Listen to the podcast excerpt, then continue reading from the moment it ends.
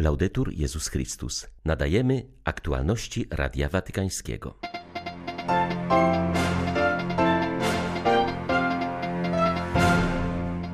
Po odmówieniu modlitwy południowej papież nawiązał do wczorajszej beatyfikacji księdza Jana Machy w Katowicach. Franciszek życzył, aby jego męczeństwo było owocnym znakiem nadziei i pokoju. W rzymskim kościele świętego Stanisława, w którym kardynał Stefan Wyszyński często spotykał się z rodakami, odbywa się dziś dziękczynienie za jego beatyfikację. Polacy obejrzą też film dokumentalny o prymasie tysiąclecia. W Lwowie 50. rocznicę istnienia obchodzi najdłużej działająca organizacja katolicka w powojennej historii tego miasta, chór katedry lwowskiej. Jego powstanie w czasach Związku Radzieckiego było absolutnym fenomenem. 21 listopada witają Państwa ksiądz Krzysztof Ołdakowski i Łukasz Sośniak. Zapraszamy na serwis informacyjny. Życzę Wam, aby każdy z Was mógł odczuć radość mówienia z Jezusem ja także jestem królem, żywym znakiem Bożej miłości, Jego współczucia i czułości. Te słowa papież skierował do młodych w uroczystość Chrystusa Króla Wszechświata podczas mszy w Bazylice Watykańskiej. Na początku drogi prowadzącej ku Światowym Dniom Młodzieży w 2023 roku w Lizbonie Franciszek zaproponował dwa wizerunki Jezusa, które przywołują dzisiejsze czytania, jako Pana przychodzącego na końcu czasów oraz Króla dającego świadectwo prawdzie. Ojciec Święty zauważył, że obraz Jezusa przychodzącego w chwale jest zachętą, aby pokonywać pokusę zamykania się w ponurych myślach i użalania się nad sobą. Ten, kto marzy, nie pozwala, aby wchłonęła go noc, ale rozpala światło nadziei, które zwiastuje nadejście jutra. To chciałbym wam powiedzieć. My wszyscy jesteśmy wam wdzięczni za to, że marzycie. Dziękuję za to, że czynicie Jezusa marzeniem waszego życia i że przyjmujecie Go z radością. Dziękuję za to, że z pasją angażujecie się w czynienie naszego świata piękniejszym i bardziej ludzkim za to, jak pielęgnujecie marzenie o braterstwie, jak bardzo nosicie w sercach rany stworzenia, jak walczycie o godność najsłabszych i niesiecie ducha solidarności. A przede wszystkim dziękuję, że w świecie zainteresowanym szybkimi zyskami, który tłumi wielkie ideały, nie tracicie zdolności marzenia. To pomaga nam, dorosłym i Kościołowi. Także jako Kościół potrzebujemy marzyć, potrzebujemy entuzjazmu, potrzebujemy zapału młodych ludzi, aby być świadkami Boga który zawsze jest młody. Franciszek skierował następnie uwagę na obraz Jezusa stojącego przed Piłatem i mówiącego mu: Ja jestem królem. Ojciec Święty zwrócił uwagę, że trzeba stanąć przed Jezusem, aby móc zachować prawdę o sobie samym. Trzeba adorować go, aby stać się wewnętrznie wolnym, a nie dawać się zwodzić chwilowym modom, sztucznym potrzebom wywołanym przez wybujałą konsumpcję. W ten sposób w Jezusowej wolności odnajdziemy Mamy także odwagę, by pójść pod prąd. Pójść pod prąd naszego niezdrowego egoizmu, aby podążać drogą Jezusa. Bez dróg na skróty ani fałszu, bez dwuznaczności. Nasz świat nie potrzebuje kolejnych ambiwalentnych kompromisów, nie potrzebuje osób, które podążają raz tu, raz tam, niczym morskie fale, gdzie poniesie je wiatr, gdzie poniosą ich interesy. Chrześcijanin, który postępuje w ten sposób, wydaje się być bardziej ekwilibrystą niż chrześcijaninem. Ekwilibryści, którzy szukają zawsze drogi, aby nie pobrudzić sobie rąk, aby nie ryzykować życia. Bardzo proszę, tego się bójcie, abyście nie stali się młodymi ekwilibrystami. Bądźcie wolni, bądźcie autentyczni. Miejcie krytyczny osąd społeczeństwa. Nie obawiajcie się krytykować. Wielu z Was protestuje na przykład przeciw zanieczyszczeniu środowiska. Potrzebujemy tego. Czujcie się wolni w krytykowaniu. Miejcie w sobie pasję prawdy, abyście Waszymi marzeniami mogli powiedzieć: Moje życie nie jest zniewolone logikami tego świata, ponieważ króluję wraz z Jezusem dla sprawiedliwości, miłości i pokoju l'amore e per la pace.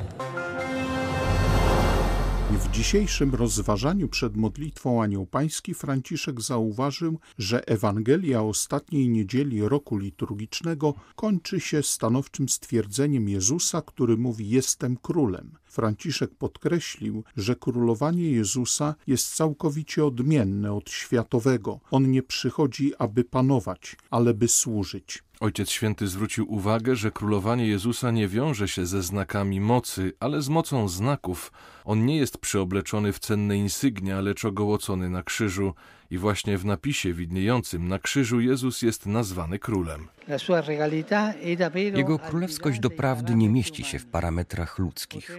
Można powiedzieć, że nie jest on królem takim jak inni, lecz jest królem dla innych. Zastanówmy się nad tym. Chrystus mówi przed Piłatem, że jest królem w momencie, gdy tłum jest przeciwko niemu. Natomiast gdy szli za nim i go oklaskiwali, zachowywał dystans wobec takich aplauzów. Jezus ukazuje natomiast, że jest niezwykle wolny od pragnienia doczesnej sławy i chwały.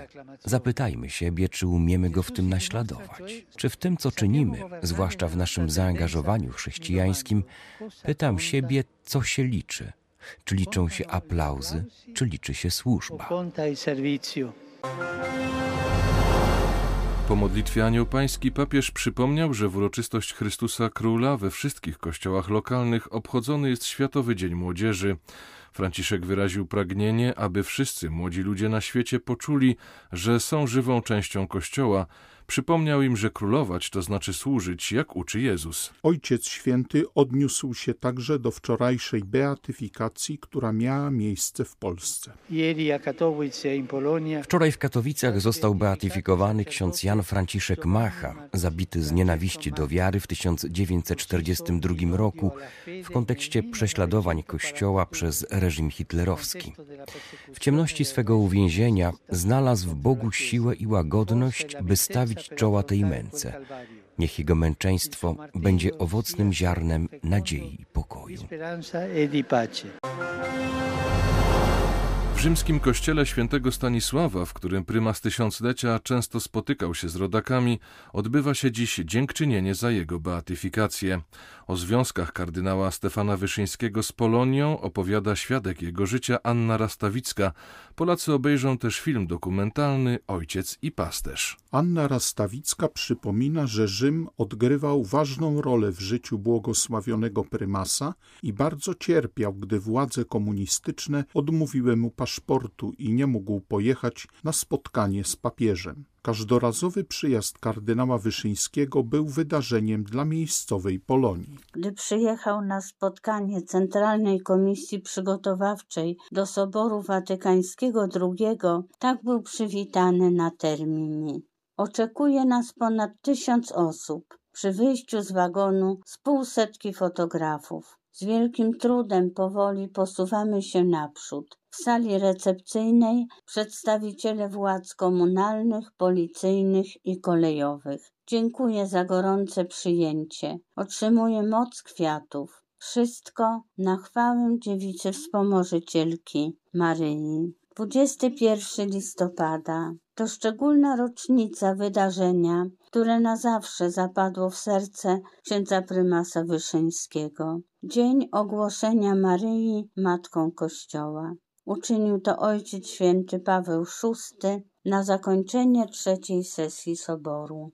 Była to wielka radość dla błogosławionego kardynała Wyszyńskiego, który był przekonany, że macierzyństwo Maryi wobec Chrystusa i Kościoła to najważniejsza prawda w Mariologii. Dzisiaj też przeżywamy święto Chrystusa Króla, to radosna liturgiczna rocznica uwolnienia księdza prymasa Wyszyńskiego z więzienia i powrotu do Warszawy. W Lwowie 50. rocznicę istnienia obchodzi chór miejscowej katedry. Powstał on w 1971 roku, co w czasach Związku Radzieckiego było absolutnym fenomenem. Dziś jest najdłużej działającą organizacją katolicką w powojennej historii Lwowa. Chór katedry lwowskiej imienia świętego Jana Pawła II integruje środowisko lwowskich Polaków. Powstał on z inicjatywy ojca Rafała Kiernickiego, legendarnego proboszcza katedry lwowskiej czasów komunistycznych oraz Bronisława Pacana, po dziś dzień dyrektora artystycznego. Chór swoim śpiewem uświetnia nie tylko liturgię w katedrze i okolicznych świątyniach, ale jest także wizytówką artystyczną Lwowa za granicą.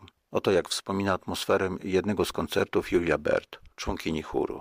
Jeździliśmy, objeżdżaliśmy parafię dookoła Lwowa i była jeszcze jedna ostatnia parafia. Pamiętam, że tak dużo spadło śniegu, że zasypało drogę i że szliśmy na piechotę przez zaspy do tej parafii. I kiedy doszliśmy do kościółka, Okazało się, że we wsi przez to, że było dużo śniegu, odłączono prąd, a właśnie te parafianie przy świecach na nas czekali godzinę i potem jeszcze słuchali naszego koncertu. Ja teraz to wspominam i już łzy w oczach.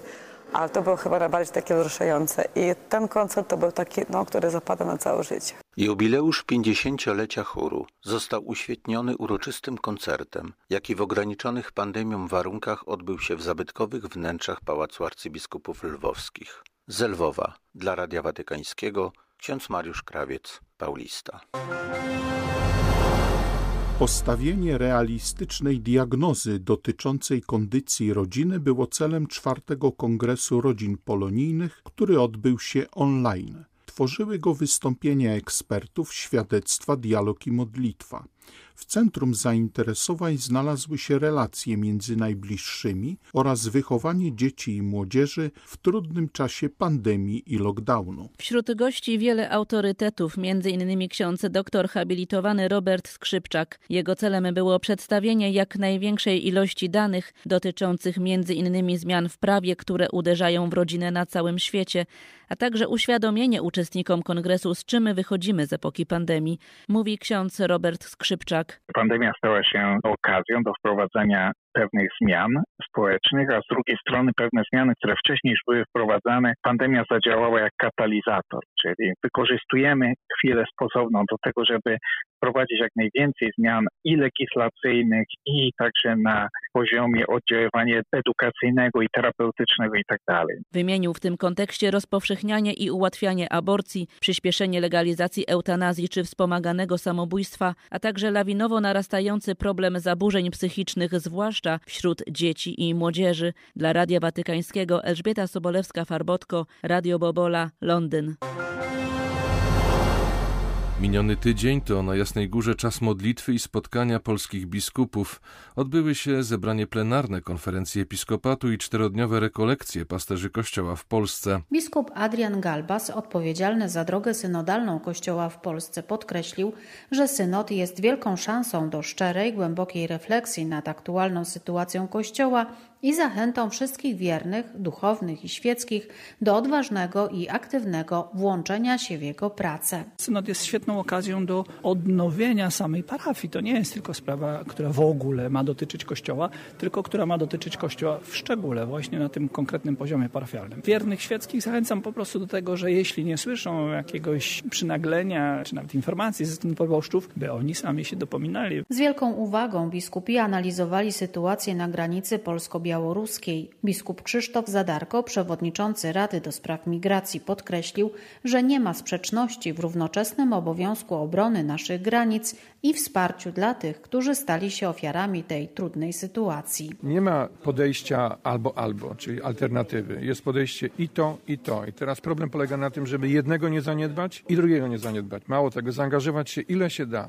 w obronę naszej ojczyzny. To jest nasz obowiązek, a z drugiej strony nie można zamknąć oczu i powiedzieć, to są ludzie, którzy napadli na nas. Oni zostali wykorzystani przez reżim Łukaszenki, kiedy grozi im utrata życia, utrata zdrowia, potrzebują naszej samarytańskiej pomocy. Biskupi proszą wszystkich o modlitwę w intencji pokoju i pojednania w naszej ojczyźnie. Dla Radia Watykańskiego Izabela Tyras, Biuro Prasowe Jasna Góra News. Były to aktualności Radia Watykańskiego. Laudetur Jezus Chrystus.